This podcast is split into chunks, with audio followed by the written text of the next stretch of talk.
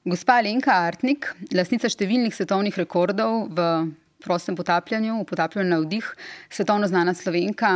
Dobrodan, pozdravljena v NN podkastu, dobrodošla. Hvala lepa. Hvala. Uh, najprej čestitke, prejšnji teden si imela rojstni dan. Uh -huh. Čestitke ja. tudi za poroko, ki je bila pred enim mesecem. Tudi, ja, In ti si dodala zdaj k svojemu priimku še en priimek, to smo mm -hmm. se prej pogovarjali. Ja, tako je, Alenka Artnik, Burgar sem zdaj. In pravkar te dni uh, boš zamenjala dokumente. Ne, tako, zdaj sem jih urejala papirje, dokumente. Tako da jutri dejansko dobijem v roke potni list in osebno in bom videla ta svoj priimek. In po mojem, se, se, se, se pripravljam, že tako, rekla, mentalno se pripravljam na to, no, da, da bo verjetno malo šok, ko bom videla to, mm -hmm. ta prijemek. Ampak, tako kot si prej rekla, da sem se poročila, mislim, jaz pa nisem še dojela, no, se mi zdi, to je tako kot vsaka stvar, ki se ti v lifeu zgodi, kaj tako velika zadeva, recimo, kakšni rekordi. Rabiš nekaj časa, no, da to malo sprocesiraš, no, da se navadiš na to, se mi zdi. Mm -hmm. Je pa tudi um, tvoj soprog, v bistvu se tudi ukvarja z istim športom. Mm -hmm. ja. Njemu prideva še proti koncu najnega pogovora. Um, naj rečem samo, da v bistvu živita pa, povedala si mi, ne, uh, pri Ženevi oziroma v Ženevi, ampak na francoski strani. Tako, tako, to je v bistvu francosko-švicarska meja in mi smo pač na drugi strani. Torej, je že Francija, ampak jaz pa navadi rečem, da, sem, da živim v Ženevi, ker če ne je malo zakomplicirano, ta, te neke kombinacije in potem ljudje so malo zmedeni in ne razumejo več, kje si zdaj ti. Ne? Pa že tako sem nastop nekje po svetu. Tako da pa rečem, da živim blizu Ženeve, ampak je francosko stran že. In čestitke vsekakor tudi za svetovne rekorde, tudi letos. Uh, in za dve zlati medalji na svetovnem prvenstvu. Uh -huh. En ena podcast, Suzano Lovec. Tako da podiva zdaj k tvojim uspehom.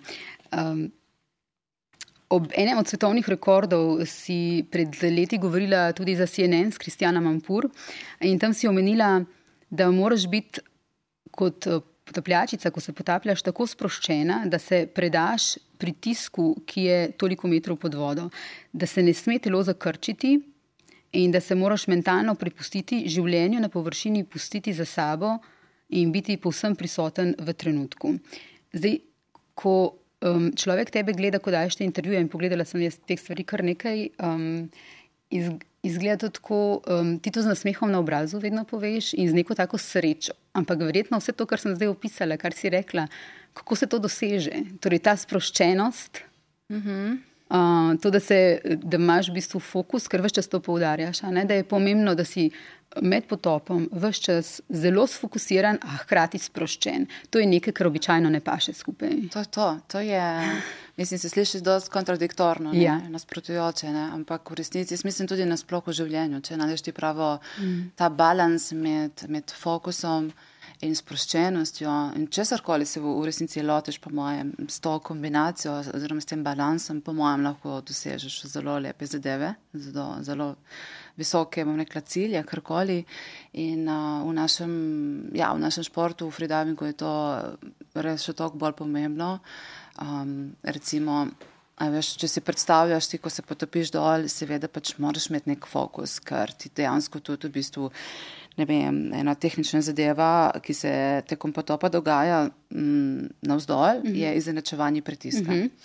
In to je v bistvu ena taka izredno subtilna tehnika, in globlje, ko greš, bom rekla, težje je to manevrirati. Torej, res fokus mora biti absolutno tam.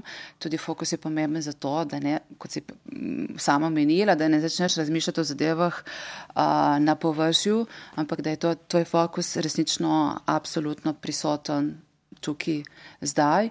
Po drugi strani um, pa moraš biti sproščen. Tudi zaradi tega pritiska, ki se v bistvu vsakimi, bom rekel, desetimi metri uh, se veča, recimo za dodaten bar. Torej, uh, je ta, je ta sproščenost izredno pomembna. Če si v nekem krču, potem ne bo šlo preprosto, potem telo ti ne bo dovolilo, da greš v te globine in se pač moraš preprosto obrniti in nazaj gor.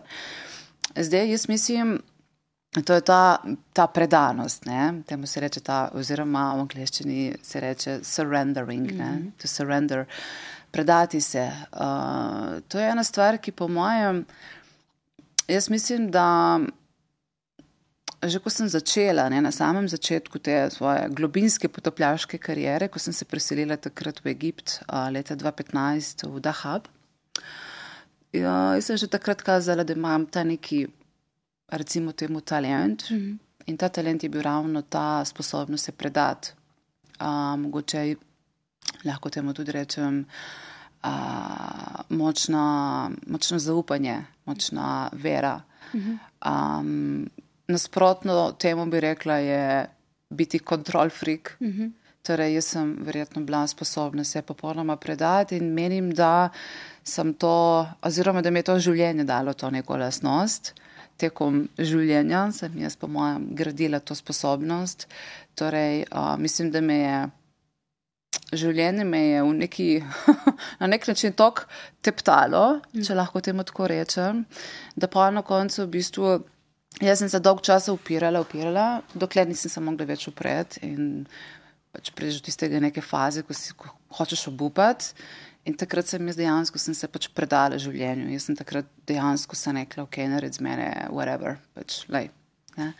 In, uh, in ta sposobnost se predati in v resnici imeti vero, takrat sem jaz tudi začela imeti vero v življenje, uh, mi je na, na začetku te moje kariere mi je fu pomagalo, ker ti dejansko moraš biti exactly v tem nekem um, uh, stanju, se pravi ta predanost. In uh, potem pa itak, uh, jaz sem začela to zadevo zelo po hitrem postopku resno trenirati, ker me je popolnoma prezelo, ker sem vedela, da to da to sem jaz. To, to, jaz sem dejansko 30 let iskala nek, nek pomen uh, in, in sem ga našla pod vodo. Tako da sem pa ja, hitro začela vsak dan trenirati in potem dejansko s temi potopi tudi potem treniraš uh, ta fokus in to mhm. sproščenost. Ne. To, kar si omenjala v življenju, za tiste, ki ne vejo, ne, ti o tem zelo um, odprto govoriš, zato ne bom omenjala nič takega, kar nisi že sama v bistvu odprla in tudi praviš, da je pomembno, da se o tem pogovarjamo, da ljudje ne mislimo, da smo sami s svojimi stiskami. Ja. Sajmi s svojimi strahovi, in zato tudi o tem rada govoriš in na glas govoriš. Ja. Um, torej, ti in tvoja sestra, ki je še živa, sta živeli sicer v srečni družini, v ljubeči družini, uh mhm. -huh.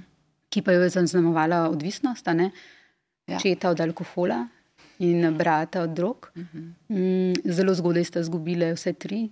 Torej, očeta, ki se je sicer vmes zdravil, zdravil ne, je potem umrl, um, umrla je mama za rakom, in brat, kljub temu, da se je uh, zdravil v Deonpirinovi skupnosti, Mm, je potem, ko se je vrnil nazaj v to toksično okolje, kot ti rečeš, ne, uh -huh. na obalo, um, um, spet podlegel drogam. Um, potem je sledilo, kot temu ti v večjih intervjujih rečeš, neko obdobje. Vsi te sprašujejo po tem obdobju desetih let. Uh -huh. Ti praviš, kot, kot si zdaj rekla, da si se iskala. Um, včasih omeniš tudi besedo, da si bluzila. Uh -huh.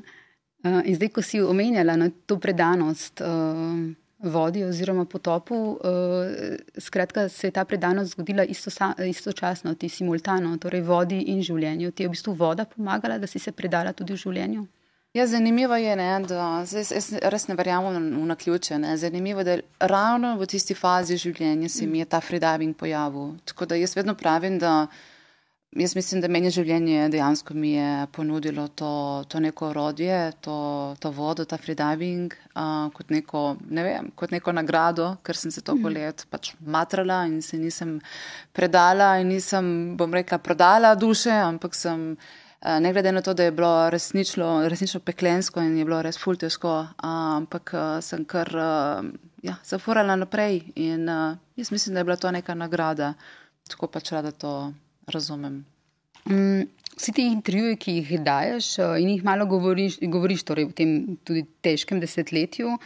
Um, I was drinking quite a lot and sort of sabotaging myself. Uh, si rekla za New York Times eh, pred leti, torej uh, velik, kar veliko sem pila in uh, samo sabotirala sem se, uh, ampak da si čutila, da obstaja nekaj več, uh, nekaj, kar ti več lahko daš. Eh, kako, Alenka, poiskati to nekaj več? Mislim, vsi to iščemo, uh mhm. -huh. čem smo dobri uh mhm. -huh. in kaj nas lahko reši celo življenje. Ampak kako to najti takrat, ko smo v bistvu v stiski? Takrat je verjetno še posebej težko to najti. Ja. Što je to, ne? Jaz mislim, da preprosto, mogoče pa ne moreš kar na en gumb pritisniti? Mm. Sej ne vem, mogoče, mogoče pa obstaja recept za to, da pritisneš na en gumb, ne? To so mogoče terapije, jaz ne vem. Jaz, pač, jaz sem bila samo rastnik vedno in sem tudi na nek svoj način pač našla tale, recimo temu gumb, ne? Uh, ki mi je pomagal, da sem šla potem, da sem se odlo, da sem šla v drugo smer. Ampak um, jaz mislim, da ja, v tisti fazi, ne, takrat, ko je bilo res v bistvu najhuje, ko mm. sem res bluzila. No, ker ne morem reči, da sem se skala, ker sem dejansko bluzila. Uh, takrat, mm, takrat mislim, da. Takrat dejansko sem imela, kljub temu, no, da sem bila res zelo nizko dol, mislim, da sem imela neko vero, da mm. to nisem jaz. Jaz sem imela neko, pač, neko vero, da moje življenje, to ne more biti moje življenje, jaz ne morem propasti na tak način. In dogajalo se mi je na tanko to, kar sem videla doma. Uh mhm. -huh. Imela sem ta vzorec doma in dogajalo se mi je na koncu ravno to, torej sam dol. A, tako da pravzaprav ni bilo nič čudnega, ne? da sem jaz pač prevzela to neko podobno pot, kot sem, kot sem pač doma bila deležna. Ampak kljub temu sem imela jaz skozi neko vero, da to jaz nisem. In mogoče me je ravno ta vera nekako. Um, spodbujala ali pa mi dala neko upanje, da, da grem naprej. Čeprav sem bila, se pravi, jaz, jaz sem bila sama in sem bila zelo sama v tem. Um, in takrat niti približno nisem videla neke luči. Mhm. Uh, in mislim, da to, kar sem prej omenila, po mojem, sem pač tako daleč šla s to svojo bolečino, da preprosto nisem mogla več. In uh, očitno mi ni bilo namenjeno usvojeno, da sem skočila dol iz tega mostu, ker verjetno spet zaradi te neke vere, da to pač preprosto jaz ne morem. To ni, to ni moj purpose, to ni moj namen, da končam na tak mm. način. In tudi v končni fazi sem toliko tega doma gledala. Um, ampak ja, jaz mislim, takrat uh, sem preprosto, ko sem s tem, s tem aktom, ko sem življenju rekla, jaz, tega, jaz se tega ne grem preprosto več, jaz pač ne morem. Ne morem. In v tisti fazi, verjetno sem jaz s tem nekim dejanjem, sem jaz po mojem odložila ta neki backpack, ne, svetno pravim, pač to, to, je, bilo, to je bilo ogromno neke um, nasnage, ki niti ni bil pripadala meni. Mm -hmm. To so bile zadeve, ki sem jih jaz verjetno srkala na sebe, že ko sem bila mikena doma, ne, ker se veš, otroci harmoniramo uh, okolje doma, ne, sploh, ko je tako okolje. Ne. Tako da jaz mislim, da sem s tem aktom to naredila in uh, na nek način, uh, ja, uh, sem se počutila lažje. Mm -hmm. In mislim, da s tem, ko sem to naredila, ko sem mogoče ozavestila, da to pa pač iz tega, iz tak način, takega načina življenja ne želim živeti. Um, sem dala, sem si pravzaprav dala možnost, da živim neko drugo življenje. Spustila sem si neke druge, bom rekla, opcije. Mm. No, in zato pravim, da pač uh, nekako ni bilo na ključje, In očitno sem bila pripravljena sprejeti lepe stvari v življenju. In takrat se mi je to pojavila, ta voda. Ker to, je treba znati, sprejeti lepe stvari v življenju, mm -hmm. ko mhm. pridejo. Ja, ja, si v bistvu, jaz mislim, da dosti krat je problem v tem, da si ne, da menimo, da čutimo, da si ne zaslužimo stvari. Mm -hmm. ne, to je problem. Potem, ko se s tem nekako, ne vem, očitno jaz osebno sem mogla iti čez to, ko enega gorja, da eventualno sem, si, sem čutila, da si pa zaslužim največ. Mm -hmm. Sestro sta pa kar povezani, ne? Ja. Eh, Tjaši Artnik Knibe, eh, ona je pa šla takrat na pot, na kamino, ne? Mm -hmm. Napisala tudi knjigo. Um, in sta veliko v stiku, če prav razumem. Ja, ja v bistvu nimava tako odnos, ker med sva obe zelo aktivne. Ona mhm. živi, v bistvu je bazirana na nizozemskem, ki je gor poročena. Um, jaz sem tako vse posod po svetu, tako da niti nimava tisti nek odnos, da bi se vsak dan mogli klicati ali pa kaj. Uh, to pač ni, ni v najnem stilu, ampak. Uh, ja, že kot mehne so bile zelo, zelo povezane, ker uh, predvsem zaradi okolja, ne, so si bile pač jasno v oporo, v tistem džumbusu, ko smo ga imeli doma. Ne. In um, ja, pa je v bistvu zanimivo v tistih letih, neko, v tistih letih iskanja. No. Uh, ona je bila, ona šla pač po svoji poti, jaz sem šla na neko drugo pot, tako da takrat nismo imeli, bomo rekli, nekih takih blazno močnih stikov, um, ampak vseeno smo bile zelo povezane in, uh, in ja, ona je predelovala na svoj način, jaz na drug, na, na, na drug način in evo, zdaj smo si v bistvu smo si zelo blizu. Mhm. In tudi tako so si zelo blizu, ne sem, ker nam je pač ta težka zgodba povezuje, ampak tudi, ker so si karakterno zelo podobni mm -hmm. in uh, lahko debatiramo o življenju na dolgo in široko. Uh, tako da sem zelo hvaležna, no, da, imam, da imam v bistvu tak odnos z njo in da je, pač, da je moja sestra in da imam tudi tak zelo tak odnos z njo. No. Ona je tudi moja najboljša prijateljica v resnici. Je tako, da recimo, ne vem, če si, če sem v kašni, v kašni stiski. In kar se dogaja, seveda, v svetu pač, uh, profesionalnega športa, sploh če si sam sebi trener, če si hrabiš nekoga, da ti mal pomaga. In je pol ponovadi moja sestra, tako jo pokličem in rečem, da je dej, please, I need help. Ti si še vedno sama sebi trener. Ja, ja v glavnem ja. Imaš pa kondicijsko trenerko? Tako, kondicijska uh -huh. trenerka, te je košnjek, uh -huh. tudi moja zelo dobra prijateljica. Um, ja, z njo v bistvu zdaj sodelujeva, mislim, da že četrto ali pa mogoče celo peto leto. Sicer ne na način, kot bi si obe želeli, ker pač preprosto to moja pač ta sredstva sponzorska mi ne, mi ne omogočajo, tako da pač prava čim več skupaj delati, kot se le da, ampak je to večinoma na nadaljavo. Mhm. Ja, mi je pa ona zelo, zelo pomagala na tem, ravno na tem področju, ker sem bila jaz takrat eh, švoh, um, se pravi ta nek fizični del ona mene res zelo dobro pripravila in tudi v bistvu, da sem pravzaprav sploh razumela, zaštekala, kako, kako pravzaprav sploh se premikati pod vodo, katere mišice treba razvijati in tako naprej. Mm -hmm. ja.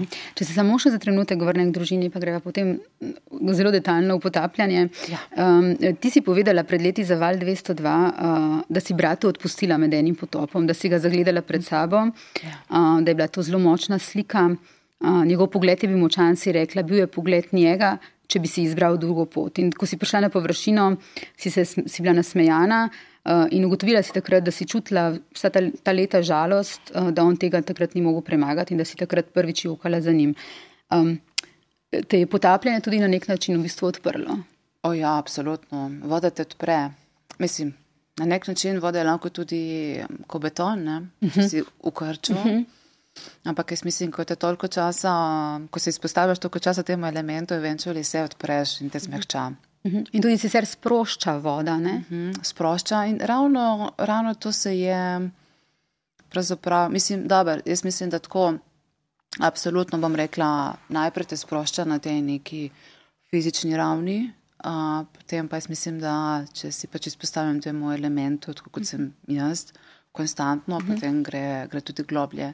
In to se mi je zgodilo med tem, med tem potopom, ko sem na nek način verjetno se odprla. Mislim, se jaz, te zadeve se zgodijo. On se je meni takrat pač prikazal, jaz sploh nisem o njem razmišljala v tisti fazi takrat, ampak je pač prišel njegova slika in ja, je bila slika Simona, mm, tašnega, ki bi recimo, ki bi ki bi bila, če bi on se odločil za drugo življenje, ne? oziroma za drugo pot. Verjetno jaz mislim, da smo vsi doma smo imeli taka močna upanja, da se bo pač pobral nekega dne. Ne? Seveda, vsi smo imeli ful močna upanja. Takrat sploh, ko je šel v komuno uh, na Tajsko za tri leta in je prišel potem nazaj, pozdravljen. Uh, in je potem spet zapadel v to, v to sceno, v to drogo. Uf, to je bilo to, to je bila fumočna travma mm. za vse nas, ja, močno razočaranje, seveda. Ne. Tako da, tudi verjetno zaradi tega sem jaz imela to neko zamero do njega, ne, ker sem videla, koliko bolečine je pravzaprav povzročil nam doma. Ogromno. Uh, in ja, in potem očitno se je že življenje odločilo, da je pa zdaj pravi trenutek, da spustim to, to bolečino ven in da odprem svoje srce, pravzaprav za, za, za, za, svoj, za svojega brata, katerega sem imela neskončno rada, ampak mm. ne, je bolečina naredila pač svoje in si nisem mogla očitno dopustiti. In uh, dokler se pač ta potop ni zgodil, in je potem, uh, sem pa prišla domov in po tem treningu in uh, sem delala ene vaje. Um, na tleh popovdne in sem tuhtala v tej zadevi, in ja, sem se začela seveda jokati, ker sem res končno sprostila mm. to vsa ta čustva, ki sem jih čutila. Od, uh, največ, kvečemu bi rekla, da je bilo, da, da, da, da, čutila sem se pač preprosto žalostno, žal mi je bilo, no, da, da ni zmogel uh, se odločiti za drugo pot. Mi je bilo res ful žal za njega. No. Mm. Pa tudi to, to bi se, da ga ni bilo več med nami. Mm. Ni bil moj starejši brat v tej fazi. Ne. Um, bi lahko imel to vlogo, ne, da, pač, da te mal, mal včasih um, čuva ščiti. Um, potopi, eh, ko človek gleda te tvoje potope, to, to je zelo hipnotična stvar. Ne? Ko vidimo te, to plavutko, ko vidimo tvoje telo, ko vidimo, kako se spuščaš, še posebej, če v bistvu se zavedaš, uh, mislim, če se mi kot gledalci zavedamo, kaj se takrat dogaja s telesom. Ne? Te faze potopa m, mm, ti pojasnjuješ, da na začetku v bistvu je telo zelo plovno, pla, plavaš, da tako rečem. Um, na koncu, to so potopi 100 metrov. Eh, pa v bistvu tonaš. Mm, na sredini se zgodi tako imenovani mouthfeel, torej da potegneš uh, iz pljuč zrak v usta. Uh mhm. -huh. Nam lahko še malo bolj opišeš, kaj se s telesom dogaja med potopom. Eh, tako. To ščipavko imaš, kaj ta ščipavka dela? Ja, ta ščipavka je zato, da, da ne potrebujem dejansko se držati z roko uh mhm. -huh. za nos, ker uh -huh. ti dejansko, ko vsi to vsi pr približno vemo, nekaj smo Vniko so pač včasih vse mal pošnorkali, ve, kako je, da bi se, moš primiti za nos in potem pihant in dejansko se takrat uh, pač izenači. Ne? Recimo temu po domače povedem, da se všesa odprejo in takrat potem ti izenačiš in pa lahko greš globlje. In to dejansko tale postopek, ki jaz delam, se pravi izenačevanje, uh, čez vse uh, čas potopa, se pravi, ko grem navzdol, izenačuje se samo za dol. Um, to je, kot sem prej menila, je tako zelo, bom rekla, ja, sofisticirana tehnika, to je treba zelo, zelo trenirati. Jaz bi rekla, da to je verjetno največji razlog, zakaj se pa kar vsi ne moramo potopiti tako globoko in zakaj je ta globina, bom rekla, tudi omejena um, na par nas, profesionalnih freediverjev, ki se s tem res uh, skozi ukvarjamo. Um, Tako da to je v bistvu ena zadeva, čisto tako tehnično gledano se pravi, pač ja, izenačevati moramo konstantno za dol in tole ščipavko oziroma nov sklep, kot mi rečemo, imaš gor, da ne rabiš tega manevra konstantno delati. Ne. Izenačujemo pa recimo vsakih, recimo ne vem, vsake tri metre ali pa pet metrov, recimo, aproximately nekje tam potem, kot si sama omenila, tisti ta prvi del potopa, si, oziroma sem zelo plovna. Uh mhm. -huh. Potem pa globlje, ko grem, ker se ta v bistvu zrak v telesu se stiska, bojlov zakon. Uh, to pomeni, da potem dejansko tudi jaz postanem uh, bolj, temu se reče, negativno plovna. Uh -huh. Torej, v neki fazi začnem tont.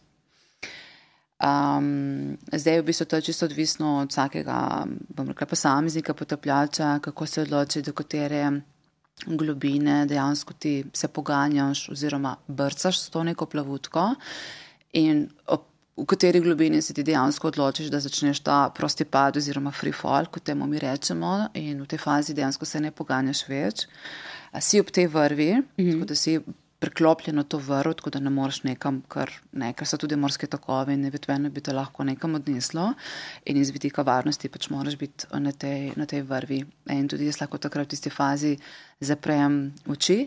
Torej, če si predstavljaš, jaz recimo prvih 20 metrov moram brcati kar, kar močno, potem se pa recimo vsakimi desetimi metri, recimo, da ta da vedno manj moči, vedno manj energije dejansko uporabljam mm -hmm. za, to, za to brcanje, ker telo že začne v bistvu padati dol. Jaz recimo nekje a, pri 20 metrih, rečem si, da si neutralno plovem, torej pri 20 metrih nekje sem pri miru.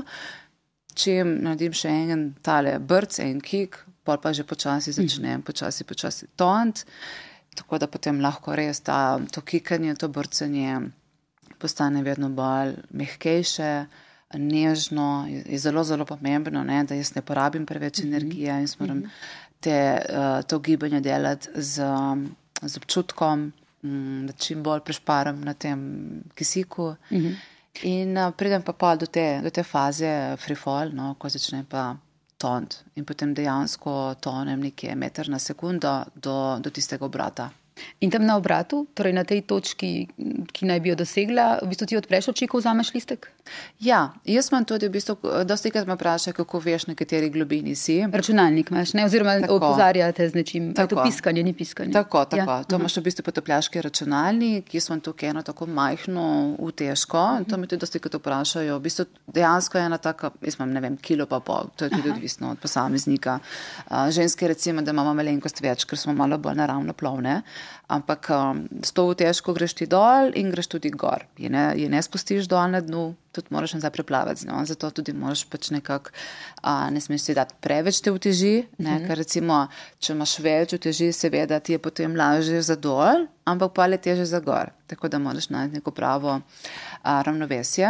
Mm, in na tej utežki imam jaz ta potopljaški računalnik na katerem si naštejemo alarme, tako da mi potem v točno določeni globini, kjer jaz želim, kjer jaz delam recimo te neke manevre, prej si omenila tudi mouthfeel, um, točno vem, aha, zdaj sem v tej globini, um, čujem alarm in naredim ta neki korak uh, in tudi recimo pred samim uh, tem obratom, torej tam nekje okoli 5 metrov pred obratom, kar je tudi nekje okoli 5 sekund pred obratom, me alarm spomni, ok, zdaj se pa pač počasi pripravi na, na ta obrat, tako da potem jaz počasi stegnem tole roko naprej in vzamem tale listek, uh, to je pač tak teg, uh, v primeru, zdaj recimo sodniki, oni ti dajo ta official gauge, se pravi, ti dajo ta, ta potopljaški računalnik, tudi kamerce so spodi, sonda in tako naprej, ampak to je še zmer, bom rekla, neka taka tradicija, da moraš tale listek ja. vzeti yeah. kot uh, dokaz, da si bil na tej, na tej globini. Yeah. Ja. Prej si recimo omenila Mouthfeel, Mouthfeel oziroma pač povedala si postopek, no, da potegneš zrak iz pljuč uh, v usta. -hmm. To je en tak um, način, kako mi pravzaprav izenačujemo zrak. Torej, ko greš globlje od neke določene, bom rekla, globine, potem recimo 20, 30, 40 metrov, potem dejansko moraš ti ta outfit narediti, če želiš izenačevati pritisk, ker je potem pritisk tok močen na pljuču, da je preprosto nemogoče izenačevati. Iz zraka, iz pljuč, torej naredimo tak manever, ki ga lahko zdaj tudi magar pokaže. Jaz sem zdaj recimo tole ščipavka gor, ne? In yeah. tako izgleda to pač, moraš biti full, full sproščen. Ja.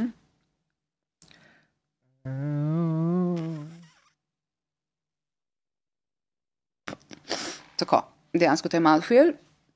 Jaz v tej fazi sem zdaj potegnila zrak gor v usta, uh, gloti sem zaprla in zdaj s tem zrakom bom jaz dejansko manevrirala in delala, uh, izenačevala. In te stvari, eh, te tebe kdo naučil, kako zgodaj si se to? Ti si eh, začela itak šele po 30, ne se ukvarjati športom, predtem ja. so bila ta leta, težka leta. Um, kdo te je to naučil in kako zgodaj, recimo te stvari? Ker najprej si se potapljala seveda v bazenu, ne? Uh mhm, -huh, tako je, jaz sem začela v bazenu, um, tako da v bistvu, ja, na začetku pač nisem se potapljala v globine, potem, ja, pa sem se odločila, da naredim ta tečaj, začetni tečaj potapljanja pri Juretu Dajču. In uh, takrat pa je bil ta globinski del tudi, ne? to je bil pač del tega, tega tečaja, tako da sem takrat dejansko na krko, mislim, da je bilo, um, sem se prvič potapljala v globino in uh, sem šla že na tečaju, sem naredila, se spomnim, 28 metrov, uh, ne, to je bila največja globina, mislim, da jaz pa še en fant, no, taki veliki skupini samih fantov sem bila um, in sem že takrat kazala, v bistvu, da, pač nek, da imam nek talent. No, da sem jaz potem bom rekla, za nekaj časa sem dala na stran to globino, ker sem takrat živela, delala v Ljubljani, tako da pač se nisem mogla s tem ukvarjati. Um, pol pa, no takrat v tej fazi sem trenirala bazen, um, pol pa je pač prišel čas, ko sem jaz pač želela preprosto dati več, uh, si dati to možnost, uh, da sprobam tudi globinski freediving In takrat sem se pač 2015 eh, odselila v Dahab, v Egipt. In od takrat naprej sem potem jaz to začela trenirati zelo, zelo resno. Jaz v tisti fazi, to je bil en tak velik, bom rekla, uh, step v, v mojem življenju. Um, takrat sploh nisem vedela, jaz mm. nisem mogla vedeti, ali bom dobra v tem globinskem potapljanju ali ne bom. Ampak pač nekaj mi je pravilo, da bi to znalo biti za, za me dobro. In sem spakirala kufre in lepo šla v Egipt. Nisem nobenega poznala, letom, pa sem hitro navezala kontakt z, z enimi ljudmi dol, smo postali prijatelji, smo postali trening badi in tako sem pa vsak dan se potapljala in se učila teh tehnik izenačevanja uh -huh. uh, in pač seveda delala na adaptaciji.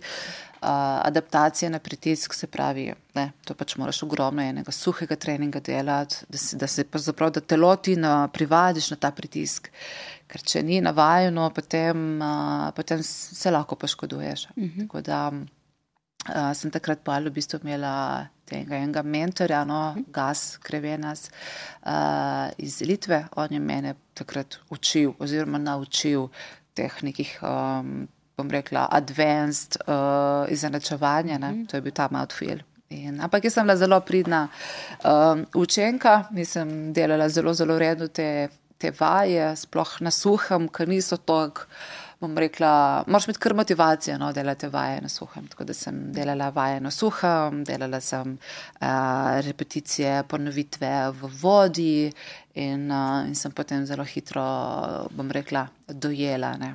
Tale body mind, ne, telo, um, connection, moram reči, da sem to imela vedno, bom rekla, kar, kar močno in to. V freedivingu je izredno pomembno, lahko pa to vedno natreniraš, samo to je potem pač odvisno od tega, koliko si pripravljen pač dati v to.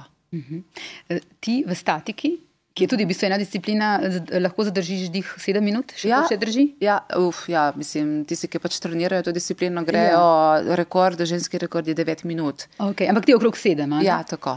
Pri tem potopu gre pa to za tam tri do štiri minute. Oziroma, tako, recimo tri pa pol, štiri minute. Ja. Uh -huh. uh -huh. In tudi to dolžino v bistvu ti treniraš, si trenirala, kako je bilo pa, ko si začela, kako si pa takrat lahko. Ja, to je bilo zelo, zelo podobno. Jaz sem spet, pač me prijatelj me povabil na ta trening, to je bilo na Kodeljevem zaprtem bazenu. In to so se pač fanti zmenili, so imeli tedenski trening uh, tekom zime, ne, ko, pač, ko si stran od morja. Uh, zato, da so pač držali neko formo, da so trenirali, da recimo potem spomladi, ko začnejo s tem podvodnim ribolovom, da so, da so pač mal, da so bili malo bolj v formi. No, in takrat je on mene povabil na ta, na ta trening, in jaz sem že po prvem dnevu, po prvem pač treningu, sem videla, da, da, da to je pa neki full special, to je neki full posebnega, da to je pač neki, kar meni full leži. In sem šla drugi dan uh, v trgovino in sem si kupila one dolge plavutke, tako da pa um, pol naslednji teden sem že prišla svojo opremo in po hitrem postopku sem jaz to vse prešišala tam, tiste fante. In, uh, in pa sem tudi v bistvu, ker sem se res, sem se želela v bistvu več teh treningov in sem potem našla uh, še druge ekipe, druge skupine, ko se trenirala, še druge dneve, tako da sem potem jaz to po hitrem postopku bila vsak dan na bazenu. Uh -huh. um, o varnosti na tekmovanjih, pa na treningih. Um, Ti sicer veš, praviš, da to je varen šport. Ja. Tudi, uh, ko človek gleda te potope na tekmovanjih, ne, to zgleda tako, da v bistvu vas varujejo ti uh, potapljači, varovalci. Ne vem, ja. če sem prav rekla. Ja, ja, ja. Uh, kaj oni so natrenirani v bistvu za to, da varujejo? Si tudi ti, da že kdaj varovala? Na kak način to gre? Ja, to so varnostni potapljači uh mhm. -huh. oziroma uh, safety. Pač mi v angleščini jim rečemo, um, oziroma lahko tudi rečemo, to so naši varuhi angeli, uh mhm. -huh. ker nas pač varujejo tam spodaj in igrajo izredno pomembno vlogo. Um, zdaj, v bistvu, ti na vsakemu, na vsakemu treningu imaš ti v bistvu nekoga, ki te varuje med potopom. Um, kot si omenila in kot jaz vedno pravim, ta šport je varen. Če, če ja. se ga lotiš pravilno, če upoštevaš pravila. In prvo pravilo je to, da se nikoli ne potapljaš sam. Jaz se nikoli ne potapljam sama. Jaz, sem... Doma z 10 metrov greš sama, ne? Ma ne, ma niti niti toliko ne. Ma niti 10 metrov ne grem. Mm -hmm. Pač preprosto si ne upam, preprosto nekaj mi pravi ne, ker nikoli ne moš vedeti. Mm. Nikoli ne moš vedeti. Um, tako da, v bistvu, tudi ko gremo, ne vem, šnorklet, jaz imam vedno, vedno gremo v paro, vedno imamo nekoga, da te, da te pač uh, mirka. In tudi v bistvu na tak način se lahko ti zares sprostiš pod vodo, ker veš, da te ne dočuva mhm. skozi. Ne glede na to, kako globoko greš. Ne? Tako da na treningu imaš vedno te neke trening badije, ki te čuvajo. Odvisno zdaj tudi od tega, kako globoko greš. Jaz recimo na treningih, se ne potapljam skozi 100 metrov ja, plus. Ja. Tako da jaz recimo moj trening, um, večinoma ta recimo globinski trening, večinoma, ali pa če bom rekla glavno, čez glavni del sezone, traja recimo neke dve uri, um, imam ene, dva, tri take um, ogrevalne potope, potem pa delam ponovitve recimo s tamalimi plavutkami, ker je pač veliko težje, možno zelo, bom rekla, iz vidika laktičnosti, pač tehnike, je to zelo, zelo dober trening, seveda ti potopi so izredno težki, ker to so zelo majhne plavutke, tako da rabiš več, več moči. Uh, več kisika pokoriš in je to v bistvu nek način, kako jaz, bom rekla, um, simuliram velike potope in delam v bistvu ponovitve. Tako da pol dejansko naredim recimo tri potope na 60-65 uh -huh. metrov z zelo veliko pauze vmes. In to je nekako recimo moj ta trening. Um, na takih globinah imam recimo potem enega trening badja oziroma enega varnostnega potapljača. Ne? Torej, recimo, smo dva, ki treniramo, ali pa smo trije in se potem rotiramo, pa navadi to na boji treniramo. In se pa rotiramo na velikih tekmah, oziroma potem, ko pa začneš delati velike potope, potem je pa pač ta varnost uh, na nekem drugem nivoju, jasno. In takrat imaš v bistvu na tekmi so trije, štirje safety oziroma varnostni potapljači. Mi nimamo potapljačev s tem pač z, z jeklenkami, oni nam dejansko nam ne morejo pomagati, ker če si ti v stiski, te mora nekdo takoj Dvigne, gor dvigati. Oni pa ne morejo, ker morajo delati dekompresijo, um, pač ta dekostop, ko se temu pač pravi. Uh, tako da so to v bistvu varnosti potapljači, isto freediveri, isto se na, na, na vdih potapljajo. In imaš tako, da v bistvu imaš ta prvega gre na globlje, tam nekje do 40 metrov, 35-40 metrov odvisno, kako globoko se pač ta tekmovalec potaplja. Zdaj, recimo za take globine, te pa navadi najgloblji safety čuva tam nekje pri, oziroma te pospremi, oziroma te sreče nekje pri 40-35 metrih. Uh, to je recimo tista ne bom rekla kritična točka. Kritična točka pa navadi je tam nekje zadnjih, zadnjih par metrov. Mhm. Takrat se dosti krat lahko zgodi potem pač ta blackout, shallow water blackout, uh, to to, ko zgubiš uh, zavest. Mhm. Največkrat se pravzaprav zgodi na površini. Ti mhm. že prideš ven iz vode, narediš tudi protokol in te potem za sekundo, dve te mal, te mal zmanjka. Uh, dosti krat dejansko ne rabiš spoh nobene pomoči in sam prideš k sebi. Ampak ne, se pa lahko zgodi, recimo, tudi te globinski, ko se temu reče blackouti, oziroma izgube zavesti. In zato tudi morajo biti ti potapljači, morajo se dovolj globoko potopiti v primeru, ne, uh, da so potem tam in te dejansko oni a, potegnejo nazaj gor. Pol, se pravi, ta je ta prvi, gre tam nekje 35-40, potem je ta drugi, uh -huh. a, ki te sreča nekje pri 25, pol je tretji, ki te sreča nekje pri 15-10, ker tudi ti varnosti potapljalci tudi med sabo se varujejo, a ne samo tebe kot tekmovalca. Uh, in potem na koncu imaš še na površini nekoga, ki vedno spremlja, in tako imaš organizacijo, imaš zdravstveno ekipo. Zdravstvena ekipa, uh, če bi karkoli bilo, te potegnejo gor na platformo, uh, imajo vso mašinerijo tam, če bi karkoli bilo. Um, tako da je v bistvu ta zadeva res uh, zelo, zelo na visokem nivoju, mm. kar se tiče varnosti, organizirana. Um, spremljate sonde, spremljate kamera si na tej vrvi, si na kontraballastu. Kontraballast je v bistvu neka taka protivtež. Torej, ta vrv je v bistvu gre čez, eh, čez, to, mm, čez to platformo na drugo stran, kjer je pač ta vrv. Uh, Z ogromno eno teži, recimo, da dajo na drugo stran 30 kg, in v primeru, da te morajo gor potegniti, ker recimo varnosti potapljači ne morejo iti do dna s tabo, seveda. In v primeru, da te morajo gor potegniti, oni samo eno zadevo odprejo in eno tako zaklopko in te potem ta protivtež te v parih sekundah te potegne gor. Um, to se zelo redko zgodi. Ja. Kaj pa blackouti, kako se zgodijo? Te, um, ta narkoza, ki se lahko zgodi uh -huh. uh, pod vodo, je v bistvu, če, če si prav razlagam, v bistvu neka predstopnja tega blackouta. Lahko. Zdaj v bistvu. Um, Blackout se lahko zgodi tudi brez narkoze. Um, narkoza, si doživela enkrat? Jaz, jaz sem blackout imela, v bistvu tako bom rekla, um, Nikoli se mi ni zgodil v globini, uh -huh. uh, nikoli se mi ni zgodil, da bi, imela, vem, da bi me mogli uživljati ali pa da bi me mogli, ne vem, ja.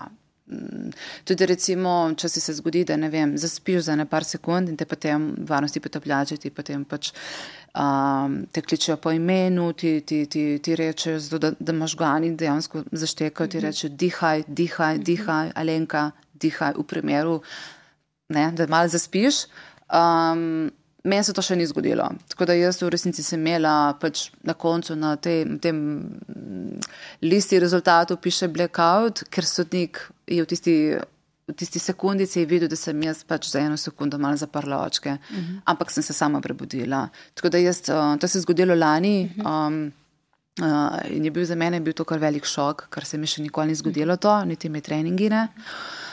Um, pa jaz nisem bila, pač mentalno nisem bila pripravljena za take potope, delala sem svetovni rekord in zadnjih par metrov, uh, prej sem se vrnila gor, uh, delala sem v disciplini za monoplavutko, ta potop in sem se začela vleči. Enkrat sem začutila močno hipoksijo, torej nizek nivo kisika v telesu in sem vedela, da, pač, uh, da sem na meji. Torej sem se začela uh, vleči gor po tej vrvi kar sem dala, s tem sem dala signal uh, varnostnim potapljačem, I need your help, mm -hmm. rabim vašo pomoč. In so me pač primili in so mi pomagali, da sem prišla gor in, in sem potem pač sama zadihala, dihala. Mm -hmm. Ampak v tisti fazi sem rabila, rabila njih, njihovo pomoč. Um, Kako pogosto pa so recimo te pomoči ali pa ti blekauti? Recimo gledala sem um, ne, D človeka uh, Alekseja Molčanova, ne, uh -huh. uh, 30 metrov uh, pod površjem, ko so ga rešili in to za nekoga ki prvič gleda, je, je kar stresno, ker ga oni pol gor oživljajo. Zgleda tako kar grdo. Pa ti povem, to je stresno tudi za nas, ki, to, ki smo no, navajeni tega. Mm -hmm. A, to je nekaj, kar si mi resnično, si tega si res ne želimo in se moramo res izogibati ja. takim potopom. Jaz ti povem iskreno, jaz sem bila jeznena na njega, ker. ker je šel preko. Je šel preko, bila je zelo, mislim, zelo brezglavo šel ta potop, ne bi smel najaviti te globine, mm -hmm. sploh ni bilo nobene logike za, za to mhm. najavo, tako da mi smo v resnici smo pač pričakovali, da se bo nekaj tasga zgodilo. Uh, tudi, če sem lahko čisto iskrena, tudi varnostni potapljači, ti pa navadi najaviš en dan prej in tudi štartna lista je objavljena en dan prej. In ko je pač ko je bila ta štartna lista, pač seveda najprej sodnike morajo pregledati, ko časih nekdo želi iti preko in ti potem sodnik ti ne dovoli, da mhm. najaviš tako globino. Ne? In potem ne objavijo te štartne liste, dokler ne preverijo, da so pač, da vse globine ne štimajo. Uh, no, in varnosti potopljači niso hoteli tega potopa čuvati, uh -huh. ker ti dejansko s tem ogrožaš tudi njih. Uh -huh.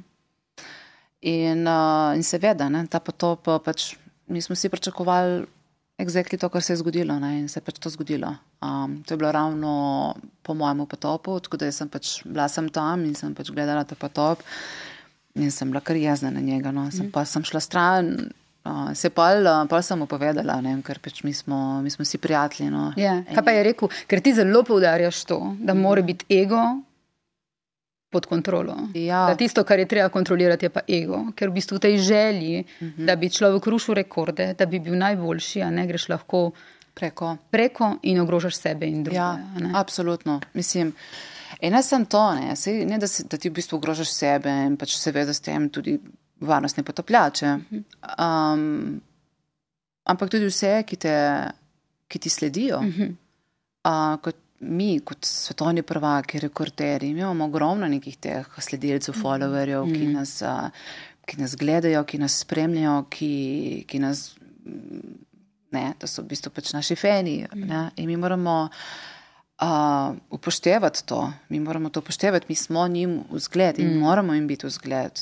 Ne. In če ti vidiš, v bistvu, da nek s takim imenom, s takim renomejem se potaplja na tak način, se ti bo to zdelo pač normalno, da to je pač ok, ne? če pač on to počne, torej, I guess, it's ok. To ni ok to se ne bi smelo dogajati. In uh, jaz pač to opažam že od samega začetka, odkar sem začela s tem športom, da v bistvu se dosti kot potopljači. Za, bom rekla, za, za ceno te, tega, tega nekega rezultata pač preveč riskirajo preprosto ne? in ne razmišljajo o tem, da, v bistvu, da mi vplivamo tudi na ostale s temi mm. našimi odločitvami. Uh, tako da, ja, sem se z njim uh, pomenila, uh, pač povedala sem mu svoje, no, uh, kot ena starejša sestra. In uh, tako neki se je pač opiral, no, pač razlagom, pač skav je, pač izkuzis, ne, ampak uh, v resnici pač je dojevno, da pač, lej, ne, tega ne smemo delati. No. A bi lahko v bistvu rekla, da so, ali pa bom tako vprašala, uh, v tem Netflixovem uh, dokumentarcu, ne, um, ki je v bistvu o Alessi Cekini, uh, italijanki, ki je tvoja, mislim, da in prijateljica in hkrati tekmica, ne, uh, in o njenem trenerju in njenem najboljšem prijatelju, ki je tragično umrl.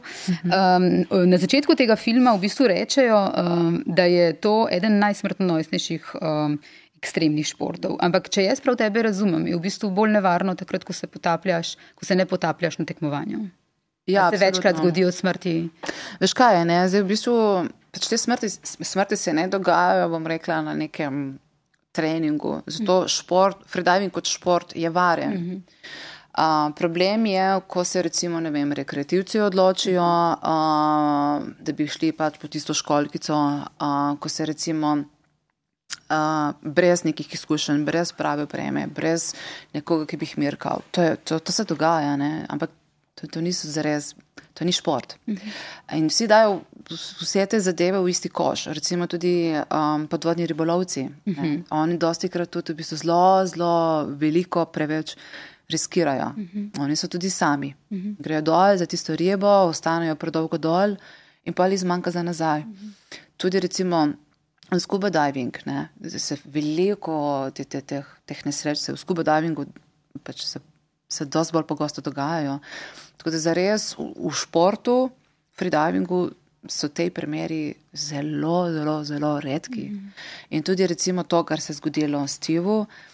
Steve je ta njen trener in prijatelj, njuna zgodba je opisana v tem filmu Netflixovem um, Najgloblji dih. Ja. Najgloblji dih. Ja. Ja. To, kar se je pač njemu takrat pripetilo, to, tudi, to ni bil, bom rekla, potop, um, to je bil pač tak rekreativen potop. Ne? On je njo reševal ne? in potem on sam. Ja, ampak ona je v bistvu delala nek tak, bom rekla, se pravi, rekreativni uh mhm. -huh. potop, um, temu, mi temu rečemo fun diving, ker je pač um, ideja je bila ta, da preplava tale arč v bistvu v Blue Hole, to je v Dahabu, je ta pač modra luknja, ki recimo, da tam, da povezuje odprto morje um, na globini 55 metrov in tak tunel oziroma ač. In ideja je bila ta, da se ona spusti dol uh, v to luknjo, uh, na 55 metrih preplava ta recimo kanal in potem v odprtem morju odplava nazaj gor. Torej, mi to ne počnemo, to ni, bom rekla, tekmovalna disciplina, to je pač fun diving. Mm. Ampak, evo, a, bil je preveč, bom rekla, a, pretežek potop je bil, ne? ne glede na to, da je v bistvu ona bila izredno močna in natrenirana. A, mislim, da so šli preveč lahkotno v ta potop, varnost ni bila organizirana tako, kot bi mogla biti. A tisti dan se pravzaprav ne bi smeli odločiti za ta potop, ker pogoji niso bili dobri, vidljivost je bila izredno slaba, a, morski toki bi v lovi so bili, skratka, pač odpoved bi mogel ta potop. In jaz mislim, da so se pač oba precenila in so se pač odločili za ta potop. In v bistvu, ja, v bistvu v resnici je šlo vse na robe, kar, kar bi bilo možno biti na robe. Mm, ampak jaz mislim, da v prvi fazi pač ni bilo sploh resnično potrebe, da bi se ta, pač, lahko, bi se, lahko, bi izog, lahko bi se izognili tej nesreči. No, absolutno. Ampak je pa tako, kot si sama menila prej, ne, seveda ta dokumentar začnejo s to dramo, koliko je dedli, koliko je navaren to šport ne, in to nam dela res, to nam ne dela usluge. Ne. Uh, to je, to je, v resnici je ful problem, ne, ker.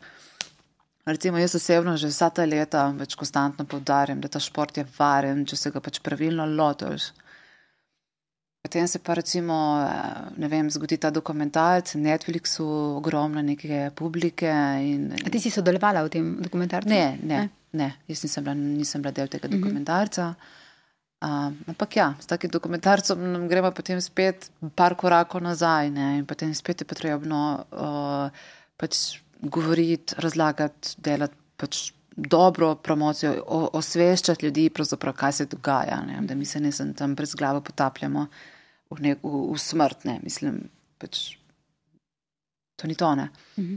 A, tako da v bistvu, no, vse lahko po mojem povem, tako sem zdaj že v intervjuju povedala. Snema se dokumentarc, no, tako da snemamo, snemamo moj dokumentarc. Aha. Kdo pa snima?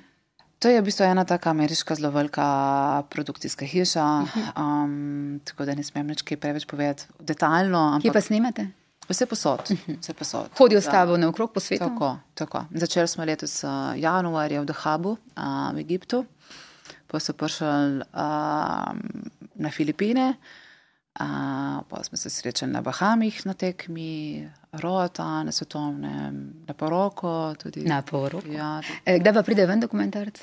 A, smo si, si bomo vzeli čas, tako da mhm. drugo leto bomo še snemali, uh mhm. -huh. kar je meni pravzaprav zelo, mi zelo mi leži, ker -huh. ni, ni tistega občutka nekega prešera, recimo, da vem, da zdaj pa moram izdelati uh mhm. -huh. svetovne rekorde. Uh -huh a, mi bojo sledili. In uh -huh. ko mhm. bo pravi čas, ko bomo začutili vsi skupaj, da je to to, in tudi predvsem to, da sem povedala svoj nek, neko svoje sporočilo, uh -huh. kar je meni zelo, zelo pomembno. Uh, bo po mojem to, to pravi čas. Tako da, po mojem, da niti ne drugo leto, mogoče drugo leto na, na koncu sezone bojo verjetno začeli sestavljati stvari. Uh -huh. Tako da mogoče 2025. Uh -huh. um, bomo videli. No. Ampak, uh, ja, to je bila ena zadeva. Ali se mi zdi tako zanimivo. No? 21, 2021 je bil ta artikel, um, ta velika, bom rekla, reportaža o meni objavljena na online, na, na internetu, uh, on just one breath, to si tudi sama prebrala. Ne? In potem sem jaz dejansko dobila ogromno enih ponudb za dokumentarce. In je bilo to, bom rekla, kar zelo stresno. Na nek način sem vedela, da je to za mene izredno pomembno. Mm -hmm. Se rekla, mogoče to je lahko nek stepping point za mene, da mogoče mi je pomagalo tudi pri sponzorjih, ki je vedno stragol, žalost je zmer tako. Um, pa tudi v bistvu na nek način sem, sem želela to svojo zgodbo pač povedati in je to še taka večja publika. In, um, In ja, pol, pol dejansko sem mogla malo selekcionirati. Nekateri so valjda seveda hoteli tudi to smer svetovnih rekordov, rekordi, rekordi, rekordi. Ne. Jaz pa to pač preprosto nisem želela, ker it's not about that, ne. torej to ni point. Uh, tako da sem mogla malo selekcionirati in to je trajalo dejansko eno leto. Mi tudi kar ogromno enih uh, enega stresa povzročilo, ampak sem potem na koncu našla eno ekipo mm, in zdaj v bistvu tudi to punco, ki je ta glavna, bom rekla, koordinatorka, ona, v bistvu, ona ima funkcijo pač vsega v končni fazi in sva tudi prijateljice zdaj postale, tako da imamo tudi tak, bom rekla, oseben odnos in zato je tudi prišla na poroko, um, ker sem se pač čutila, da, da je lahko tudi del te, te moje zgodbe, čeprav je bila poroka mini-mini, res zelo mehna. Uh, ampak je meni tudi pomembno, da imam tak odnos z njo, ker mislim, da, da bom na tak način lahko res komunicirala pač to, kar čutim. No. Super. Uh, Sej tudi um, Alezija, ne, uh, prej si omenila, da ste vsi v bistvu nekako prijatelji med sabo, da si tudi poveste, kar, kar vam gre, se pohvalite, si iskreno poveste.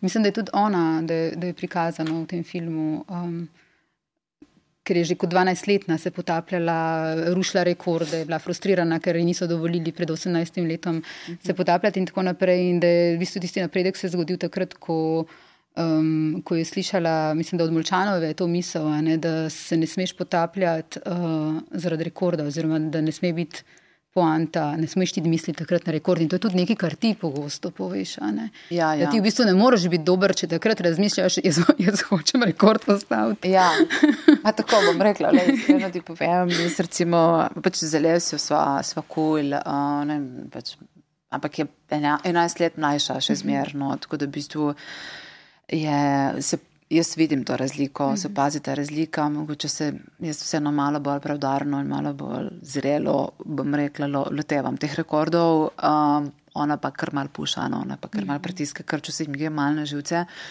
Ker pa to pomeni, da me avtomatično potegne v to mhm. not in v bistvu včasih, mislim, bom rekla, načeloma um, sem sposobna ne igrati te igre in ne past notri v ta ego, v ta, v ta vakum, ampak me pa tudi potegne časih notri. Mm. In to v bistvu, ja, zanimivo je to, da recimo leta 21. Um, je ona napovedala neko precej noro globino v eni disciplini uh, z dvema plavutkama in takrat izboljšala svetovni rekord. Uh, pač rekord je bil takrat, do takrat, mislim, da ne vem, 95 metrov in je naenkrat najavila na pretekmovanju svetovnega 105, torej 100 metrov globlje.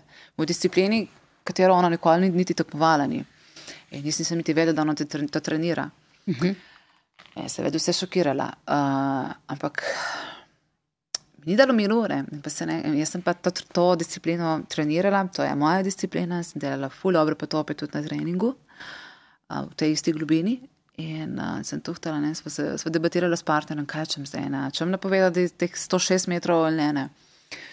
In kar v bistvu pa sem napovedala 106 metrov, zašla proti, bom rekla, pač, ja, recimo temu, da, da je ego takrat prevladal okay. pri tej moji odločitvi, ampak sem vedela, Jaz sem točno vedela in sem šla z zavedanjem v to najavo, da riskiram zelo veliko. Mhm. Ker v bistvu ne, ker ne bi bila zmožna tega rekorda narediti fizično gledano, ampak ker sem se igrala to igro, ker sem vključila ego, ker mi ni dalo miru, ker, ker, ker mi šlo na žudze, da, da je šla ona tako globoko. In sem pa najavila to globino, naredila sem potop, nosil to ni rekord, full velik rekord ampak nisem bila pa vesela. Jaz sem prišla ven in sem bila skoraj ne besna. Sama nas? Nas je na celo situacijo. Mm. Na situacijo sem bila jezna, mm -hmm. na, mhm. na sebe, na, na situacijo. Na, na žuce mi šlo, da sem se počutila, sem se kot da pismo. Ne. Mogla sem ta potop narediti. Ne. Na žuce mi šlo, da sem ta potop mogla narediti, mm -hmm. ker to, to ni. To ni, ni, ni ja, in sem delala rekordi nevam. To mi je bil fulje, eh, bom rekla, dokaz, da dejansko niso rekordi tisti, ki me usrečujejo. Ne. In način, kako se tega lotiš, pravzaprav. To je, to je pomemben proces. Številka, ok, kul. Cool. Če, če se loči zadeve pravilno, je to potem, bom rekla, rezultat tega mhm. pravilnega, oziroma da se na pravi poti. In potem to je samo še tiste pikice gor. Ampak ja.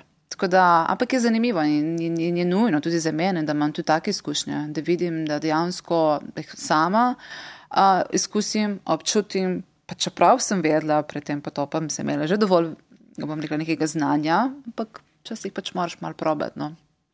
E, kje ti štimajo te plavuti? Nekaj so, časa so ti v Ukrajini. Ja, to so v bistvu zdaj ta uh, Četma Composite, italijanska firma, uh mhm. -huh. italijani, oni so zdaj razvili res full dober, dobro opremo. Zakaj so pa v Ukrajini se štimale? Oni so tudi, pa, Ukrajinci so prav znani, Ukrajinci pa Rusi so znani po tem, da delajo zelo dobre te monoplavuti. Uh, sploh v, v drugi disciplini, oziroma v drugem športu, fin swimming, to je pa dejansko hitrostno plavanje. Oni so res pač majsteri, uh, delajo pač izdelujejo ročne te monoplavuti, ampak so italijani zdaj pogruntali to, tole, to, to cetmico, kot jo mi kličemo. In je res zelo, zelo dobra plavutka. Zelo dober, bom rekla, leži Si tudi na vezi z ukrajinskimi uh, potapljačicami? Uh, z, z Katarino, v bistvu. Ja, Katarina Sadorska, ona je v bistvu tako dost, dost nova v našem svetu. Uh -huh. Izredno talentirana, ta lepa nam bo še delala štrene. Uh, zelo, zelo talentirana, full draga punca, res tako super pupa. Um, tako da mi je bilo tudi iz tega vidika, da je pač predstavljala Ukrajino, mi je bilo še dodatno, bom rekla, drago. Um, osvojila je dve medalji, zlati medalji, dva, dva naslova svetovne prvakinje v drugih dveh disciplinah, tako da mi je bilo fulfajno. V bistvu, da ni v tvoji. A veš, da smo se lepo podelili, ne? jaz dve, ona dve, super. Mhm. Um, tako da je pa, je pa res, kar se pa tiče tako. Um, Atle, kot atletinja je ful talentirana, tako da mislim, da bomo videli še vrhunske rezultate z njene strani. Uh -huh. Kako je z dopingom v tem športu? Eh, če pogledamo malo naprej, zdaj bi malo o tem športu v prihodnosti govorila. Zdaj, včasih je veljal za izredno čist šport, mislim pa, da tudi ti opozarjaš na to uh, nevarnost dopinga. Uh, koliko ga je, kaj ti opažaš in kaj bi recimo tle sporočila športni javnosti? Tako ne, v bistvu šport se razvija in tako kot v vseh športih, tudi v naš šport je prišel. In zdaj ne vem, kako dolgo to že traja, ne vem. Jaz sem nekako slišala te govorice že prej, predvsem v bazenskih disciplinah. Kaj pa jemljajo? Pomirjevala me da. Uh mhm. -huh. In zdaj problem je v tem, da pač pomirjevale niso na vadelisti. ker jih pač preprosto farmacija ne dovoli, ker je pač to. To je pač uh, zdravilo, droga, ki je najbolj uporabna menda uh, med populacijo svetovno. Tako da seveda ima farmacija premočen lobby, da bi dopustila vadi, da da to, um, to zdravilo na listo. Uh, in se zdaj s tem pravzaprav bojujemo. No? Um, na kak način se pa, kje vidiš recimo možnost, um, da bi ta šport, da rečem tako, ostal čist? No, to, kar ti v bistvu leži na duši, ne? to, kar bi rada sporočila. Um, na kak način, kaj javno opozarjanje, kaj še, kakšne oblike pritiska imate, da bi se to zamejilo? Mislim, jaz mislim, tako kot v vsakem športu, ne, pač te kontrole, recimo, morajo biti dobre kontrole, mm. morajo biti uh, na, vseh, na vseh tekmah, uh, tudi random izmed, uh, izven tekem. Uh, ampak jaz mislim, da glavni problem je ta, da v bistvu freediving je relativno, bom rekla, nov šport in to, kar recimo nam pomaga, v drugih športih ne pomaga. Kot sem omenila, pomerjevala, to je tako, ne, to, to, to je res super, uh, bom rekla, uh, doping za nas. Mm ki ga pa pravzaprav lahko dobiš, je tako prosto, ni mhm. težko dobiti to. Ne. In je v bistvu zdaj samo vprašanje, vprašanje posameznika, a se bo odločil za to, da bo pač šel v to, goljufal. Um, in uh, ja, letos je, letos je bila prava, bom rekla, doping uh, afera, um, ker je v bistvu na enih teh velikih tekmah je organizator nepričakovano. Uh, pač pregledal potovalke enih tekmovalcev in pač našel celo farmacijo teh pomerjevalna. In uh, je ta zadeva prišla ven na, na, v medije in smo potem. Je v bistvu to nam kar malo odprlo oči. Ne? In jaz v bistvu v tiste faze, ki sem me naprej, nekako nisem verjela. Ne? Čula sem govorice, ampak se mi zdelo, da to ni možno. Se pač, mi imamo doping, te antidoping oziroma te kontrole, imamo. Jaz sem jih že nešteto naredila v svoji karieri, vsakič po svetovnih rekordih, po, no, med svetovnim prvenstvom. Tudi jaz sem bila v tem Adams sistemu leto pa pol, to pomeni, da ti lahko pridejo kadarkoli, kjerkoli. Um, pač vedno moš biti na razpolago, tudi v tem smo. Um, ampak ja, dokler uh, bo zdravilo, ki pač ni na tej listi, uh, navade listi, dokler bo to zdravilo ne bo na tej listi, bo zelo težko mm. omejiti to zadevo. Ne? Obstajate dve organizaciji uh, pri tem potapljanju, AIDA in uh, CMAS. Uh, lahko mogoče na kratko razložiš, kakšna je razlika med njima? Ma zdaj tako. CMAS je v bistvu tista organizacija, ki je pač bolj verodostojna, uh -huh. ker je pač prek olimpijskega komiteja. Uh -huh. Oni tudi v bistvu sodelujejo z vado. In tudi jaz uh, tekmujem, recimo, ko je svetovno prvenstvo, jaz grem na CMAS svetovno prvenstvo. Uh, Uh, Aida je v bistvu, oni imajo zelo veliko zgodovino, oni so tisti začetniki, bom rekla, prva organizacija, imajo res ful, imajo nekega znanja, in, ampak to je pač privatna, bom rekla, organizacija. Uh, leta nazaj, recimo, če si, če si šel na, na svetovno prvenstvo, si šel na Aida svetovno prvenstvo, se je pa to zadnjih par let zelo spremenilo. In to je problem v resnici, ne? ker mi imamo, včasih se zgodi, da imamo dva svetovna prvenstva v sezoni. Zdaj je že tako nekako, da recimo tisti, ki smo uh, profesionalni potapljači, gremo na CMA svetovno prvenstvo. Torej, zdaj pač imaš tiste, ki mogoče se. Recimo tako, no, po domači povedano, malo lažje dobiti uh, neko medaljo na AIDE svetovnem uh mhm. -huh. prvenstvu dan danes, kar je mogoče tudi ok iz vidika promocije, ker pač vsi probamo, m, vsak v svoji državi probamo delati na promociji tega športa, tako da it's ok. No? Um, ampak ja, jaz mislim, da v bistvu zdaj, uh, tudi zaradi te doping uh, afere, mislim, da pravzaprav bo um, samo obstajalo eno svetovno prvenstvo in to bo pod odkriljem smas svetovnega prvenstva. Uh mhm. -huh. Ni pa to še olimpijski šport? Ne. Tukaj si ti zelo ostro na stališču, da bi moral biti, ker kot praviš, je to nekaj, kar je človek potapljanje počel odvedno. Uh mhm. -huh. Um, je to nekaj naravnega za naše telo in bi se morali pomiriti. Kje, um, kje pa tukaj vidiš rešitev? V bistvu? Ma mislim, gledaj, uh, tudi recimo v tem olimpijskem komiteju in tako naprej, pač v, tem, v tem svetu, to so tudi pač uh, lobiji in zdaj to je prva zadeva, jaz mislim. Druga zadeva je ta, da verjetno ni tako preprosto organizirati uh, globijsko tekmovanje v freedivingu.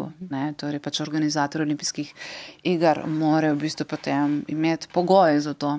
To je, to, to je kar problem, uh -huh. ker pač nimajo, nimajo vse države pogojev za globinsko potapljanje. V bazenu je veliko lažje kot pa recimo v globini. Um, zdaj to, bom rekla, pač Veste, ta neki politični vidik, ali bo ali ne bo, pravzaprav s tem se niti ne obada. Mm -hmm. Fajn bi bilo, no, če bi vključili to disciplino a, na olimpijske igre, zato ker je v bistvu, jaz bi rekla temu, ker to je po mojem New Age sport.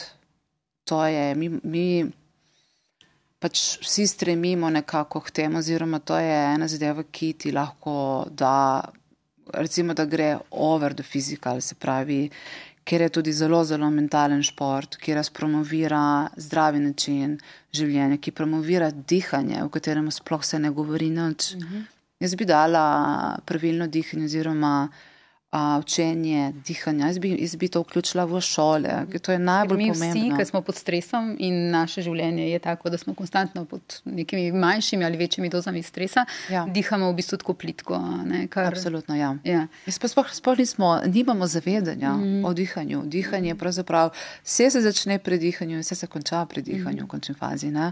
In bi lahko si res prišparali zelo veliko stresa. Ker pra, ko pa pravilno dihamo, pa v bistvu um, se telo zelo sprosti, zdaj sem zelo tako povedala, lajično. Ne? Ja, ampak ja. tako je. Ja. Rab, ne, ne, ne, ne, to je to, preprosto, ja. simpel. Ampak včasih, recimo, to se, to se mi tudi dozeva, da bolj ko je simpel, bolj ko je preprosto, mogoče manj verjamemo v to, mm. ne, ker si pač moramo komplicirati stvari, da, da, da jim verjamemo ali nekaj. In dihanje je eno izmed. Tako, tako zelo ga uh, samoumevno jemljemo, mm. ampak v resnici je pa, se pravim, vse se začne in konča pri tem. Um, tako da, ja, promovira res, promovira to, uh, pač ta mentalni del in tudi v bistvu, recimo, ne vem, um, ja, seveda sproščanje, tudi v bistvu stik z naravo. Z naravo. Ja. In ti vidiš tukaj tudi možnost promocije. Uh, okoljskih tem, ne, preko tega športa. Ja, yes, exactly. to je, to je fully pomembno, uh, da, da, da se pač ozavešča, kaj se dogaja z okoljem, da imamo, da imamo odnos do okolja. Uh -huh. ne, mi nismo zaprti tam v neki telovadnici, ne, to je čist neka druga uh -huh. sfera. In, uh, poleg tega se vede, da je pač tako zelo kompleksen šport, uh -huh. ki, kjer res dejansko moraš ne trenirati toliko nekih segmentov. Um, seveda, recimo, če sam tako na hitro povem, tudi za primerjavo, da bi vedeli, recimo, gledalci, kaj jaz pravzaprav, kako jaz treniram. To je eno vprašanje, ki me dosti pač mi ga postavljajo, ne, na kakšen način treniram. Zdaj, kot v vseh športih, ki se, ki se razvijajo, je pač moč izredno pomembna. Torej, seveda, kot v vseh športih, je tudi gym oziroma fitness je postal zelo pomemben. A, se pravi, moč. A, potem seveda jasno mi moramo trenirati to pač specifične treninge za nizek oziroma za hipoksijo, se pravi nizek nivo tele, kisika v telesu. Po domače povedano, pač moramo delati treninge z zadrževanjem zraka. To lahko delaš suhe treninge, globinske treninge, bazenski treningi. Potem je treba delati zelo veliko na tehniki, se pravi v mojem primeru je to plavanje zelo, zelo veliko plavanja, plavanja, plavanja, kilometre, kilometre je treba preplavati na površini, zato da dejansko ti usvojiš to neko tehniko. Tehnika je zelo pomembna, ker boljše, ko imaš tehniko, bolj si recimo efikasen, manj ki si kako riš. Potem moraš delati specifične treninge, kot sem prej omenila, za izenačevanje zraka izenačevanje oziroma equalization, uh, to moraš konstantno trenirati. Uh, tudi recimo, jaz, ko sem dal časa izven vode in ko se potem vrnem po recimo mestu dveh mesecih nazaj v globino, ni tako simpel, ne? tako da v bistvu res zgubiš ta občutek in moraš to konstantno trenirati. Adaptacijo na pritisk moraš konstantno trenirati z suhimi vajami, se pravi stretching, raztezanje prstnega koša, zelo, zelo pomembno. Se pravi, držati to neko adaptacijo na ta pritisk. Um, in pa seveda mentalni treningi. In že sam mentalni, mentalni treningi, mislim, že sam tukaj imaš toliko enih področji, lahko to meditacija. Lahko veliko to... meditiraš, ne? Ja, jaz delam bolj dihalne vaje. No? Uh -huh. dihalne vaje. to je v bistvu isto. Uh mhm. -huh. Meditacija oziroma fokusirano dihanje, to je zelo podobno. To je vse pravzaprav neka meditacija. uh, vizualizacija, tudi zelo pomembna. Uh, tako da, tle toliko enih zadev, uh, ki jih lahko treniraš, da dejansko je en dan, 24 ur je premalo, Prekratek. je prekratko. Yeah. Ja. Tako da jaz moram reči, da je ful dobro tole nekako pol. Uh, zorganizirati, da pač pokrivam, da poskušam pokrivati čim bolj. In jasno, vedno je tako, da si v eni zadevi, recimo, najbolj šlo, v neki drugi zadevi si pa mogoče močnejši, pa pol, seveda, moraš delati bolj na tistemu. Kje pa si najbolj šlo? Ma, hmm, v resnici moram reči, da sem tam tam kar z vsemi. Ni ene zadeve, ki bi, ki bi mi zelo nagajala. Uh -huh. uh, tako da moram, jaz moram res kar vse, vse trenirati. Sploh pa recimo na takem nivoju, zdaj pa res uh, je pomembno, no, da, da, da na, na vseh področjih uh, moram biti uh, top. Uh mhm. -huh. Ti si drugače uh, zaposlena v slovenski policiji. Uh mhm. -huh. Kako je to izgledalo? To v bistvu človek, ko doseže neke rekorde, sam pokliče, oni pokličejo, kakšen v bistvu odnos imaš s policijo?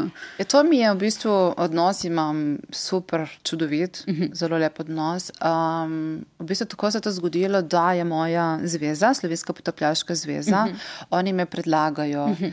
uh, in to gre preko olimpijskega komiteja. Tudi. Uh, torej, jaz, kot sem prej tudi mislim, omenila, seveda jaz moram dosegati neke rezultate, kar pa meni mož biti ali moraš imeti svetovni rekord ali pa moraš biti top 3 na svetovnem prvenstvu. Torej, pač kriteriji so zelo visoki. Uh, no, in uh, tako da pač moraš, moraš bom rekla, um, moraš biti, uh, ja, moraš odgovarjati nekim kriterijem in potem oni dajo to um, to neko prošnjo naprej. In hvala Bogu, so, so, so mi so uslišali, so mi uslišali in so mi dali v del te ekipe. In mislim, meni je to tako res zelo, zelo veliko mm. pomeni, mi je zelo, zelo drago. In tudi ne, nekako Jaz mislim, da sem tudi sama potrebovala ta neki feedback od, od, od naše države, da, da mi da to neko priznanje, da v bistvu cenijo to, kar počnem. Mm. In mi, mi je to dalo še dodaten zagon, še dodatno motivacijo, ne? da se nisem počutila tam kot nek, kaj zvem, spet kot nek samorastnik, ki sicer rastura po svetu, ne? ampak noben pa noč ne ve, kaj preveč. Ne? Tako da mi je, mi je to mi je bilo ful drago, no, da so mi dali to potrditev in seveda pač to ti da potem še dodatno motivacijo. Ne? In v končni fazi mislim, da sem jaz in pa športniki nasploh smo res, pa vsega ni lepšega načina za promovirati uh, Slovenijo, no? se mi zdi. Mm -hmm. Tako da ja, oni so po mojem veseli z mano in pa tudi uh, okay. uh, Prejšnji mesec si se torej poročila uh, s svojim partnerjem Florianom Burkartom. Ja. Uh, on se tudi potaplja, koliko se potapljata skupaj, koliko je on še v bistvu, je on tudi tekmovalec, uh, uh, ampak ne na tak način, kot je on dela tudi v pisarni, ne, kot ti praviš, nekaj mesecev na leto. Ja, tako je, pač nekdo mora delati, razumeš, mislim, nekdo mora služiti uh, ne, za kruh ali kaj. Uh, ne se, se mal hecam, ampak um, tako me zmenjeno on službi, da pol leta dela uh mhm. -huh. v banki, švicar, pač tako je, ne, uh, pol leta pa trenira trenira, potuje z mano, je v glavnem moj največji podpor. In to zdaj že neki let furava na tak, na tak način. Um, hvala Bogu, ima on to, to priliko, tudi um, pač ta šefica, njegova šefica je res. Je full v redu in je tudi pač a, velika strastna ljubiteljica športa, tako da razume to, no, tako da tudi iz te strani pomagajo, no, da, da je to sploh možno. Mm, on ni profesionalni potapljač, eh, dela pa rekorde za Švico. No? Tako da je v bistvu tam že, že trka na 90 metrov, tako da se on tudi zelo, že kar pošteno potaplja. Um, ja, tako da mi, de, mi dva dejansko zdaj tekom recimo, zime, jeseni začne delati, potem tekom zime uh, pač dela uh, in v Švici. Eh, jaz v, tem, v tej fazi hodim tako pač na priprave, globinske priprave, recimo, da grem v Egipt za par tednov, ampak v glavnem pa delam um, pač bazo, to je pač trening, ki poteka v fitnessu, mm -hmm. v bazenu, tako da lahko dejansko tudi v tej fazi so lahko skupaj. Mm -hmm. Tako da recimo, da je zdaj pač ta, neka, ta nek dom uh, blizu Ženeve uh, v tej vasi Kolonštu Selev, tako da lahko tudi tekom zime, smo lahko skupaj. No. Koliko pa priješ v Slovenijo? Zelo, zelo malo, premalo. Uh -huh. Ko prideš, je... prideš v Ljubljano ali greš na obalo. Ti ah. si uh, v Žusterni si včasih kot otrok plavala, uh mhm. -huh. na Markovcu ste živeli, če prav razumem. Ja, ja. Uh, kol, Ljubljan, si več v Ljubljani ali na obali, ko prideš? Jaz sem zelo malo v Sloveniji, bi si želela, da bi lahko uh -huh. več časa tukaj preživela. Ampak je tako, da ja, jaz sem že tako, sem ful malo časa v Evropi nasploh. Um, meni je zdaj dom, je Evropa. Tako da ali sem gor pač v Švici, oziroma Ženevi, ali sem tukaj, mi je to pravzaprav mi isto, mi je pač dom. Ampak partner živi tam, ta sem si zdaj dom ustvarila. Mm -hmm. Tako da mhm. seveda, in glede na to, da skozi potujem, jaz tudi rabim se včasih malo ustaliti, no, mi to, mi to manjka. Tako da potem. Zdaj, če bi bila, recimo, da bi bila spet, ko pridem domov, da bi bila tudi non-stop med, med Švico in Slovenijo, bi mi bilo preveč. Tako da, seveda, sem se pač odločila, da, da preživim čim več časa tam, doma, um, da delam stvari, ki jih navadni smrtniki delajo, da urejam, uh, ne vem, kupujem košine, po, to, uh, polštrčke, dekoracijo, kupujem, to se vedno se, hecam, ampak v resnici je to resnica. Pač Zdaj v tej fazi, ko se pač približujemo novemu letu, božič in tako naprej, ko me čakam, da je ta, ta del, da lahko pač okrasim stanovanje in tako čisto prehitro. Uh, kupujem nove te dekoracijo, kuham, um, pač postanem prava domačica, kaj ne gre. In mi manjka in mi je totalno, mi je ful, mi je kulno, res tudi ta. Ta lifestyle. Mm -hmm. da, ampak je pa res, jaz čutim potrebo, no, da sem tudi nekje na enem, na enem placu doma, ker mm -hmm. tako veliko potujem. Mm -hmm. Ampak, ja. moram še omeniti, ja. Uh, njima seveda sem predstavila Slovenijo, lani malo bolj. In je leto, ko se je zgodilo, da med dvema tekmama smo imeli kar velik čas in so šla, sva si vzela dopust in so šla v Slovenijo. Um, zdaj, ljudje ponovadi stremijo k temu, da grejo v eksotiko na dopust, ne mi to gremo domov na dopust. Ne? Tako da sem pokazala Slovenijo, sploh ta zahodni del, pač ta, pač, iz kje jaz prihajam, in, uh, in se totalno napalil. In, uh, tako da obstaja zdaj ideja, da bi se mogoče mi dva čez neki let, da bi se dejansko preselila, ja? vrnila v Slovenijo. Ne? Na obalo, v Brda, kjer je bil oči doma, ali uh, v Prelekijo, odkjer je mama bila? Ne, ne, to bo nekje bliže morju, absolutno. Uh, mogoče je Istra ali pa tam nekje, Brkini, tam nekje. Bomo videli. Brkini, je, tam nekje, no, ja. lej, meni, meni so ti kraji, to je vse posod, vse, so, vse skupaj tako blizu pri nas ja. doma v končni fazi. No. Tako da tam nekje, ampak po mojem, malo bliže bomo mogli biti v morju, ker, ker bom vedno povezana z morjem. Tudi verjetno v prihodnosti bom najbrž delala kakšne te workshope, delavnice in tako naprej, tako da pač rabimo morje. Ne?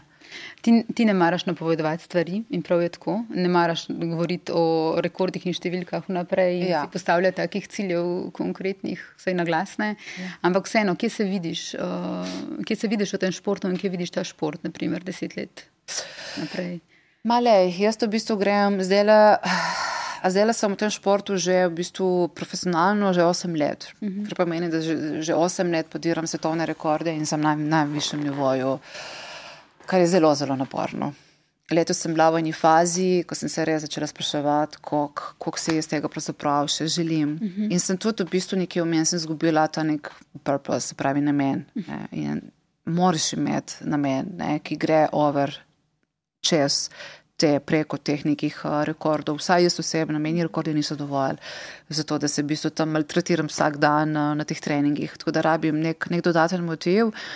In je bila taka res posebna sezona in sem spet našla ta svoj motiv in motivacijo in željo, da nadaljujem. Tako da v bistvu grem res iz leta v leto in bomo videli, kako dolgo bom še to ustrajala. Uh, tako da želja je, uh, vedno se da kaj izboljšati.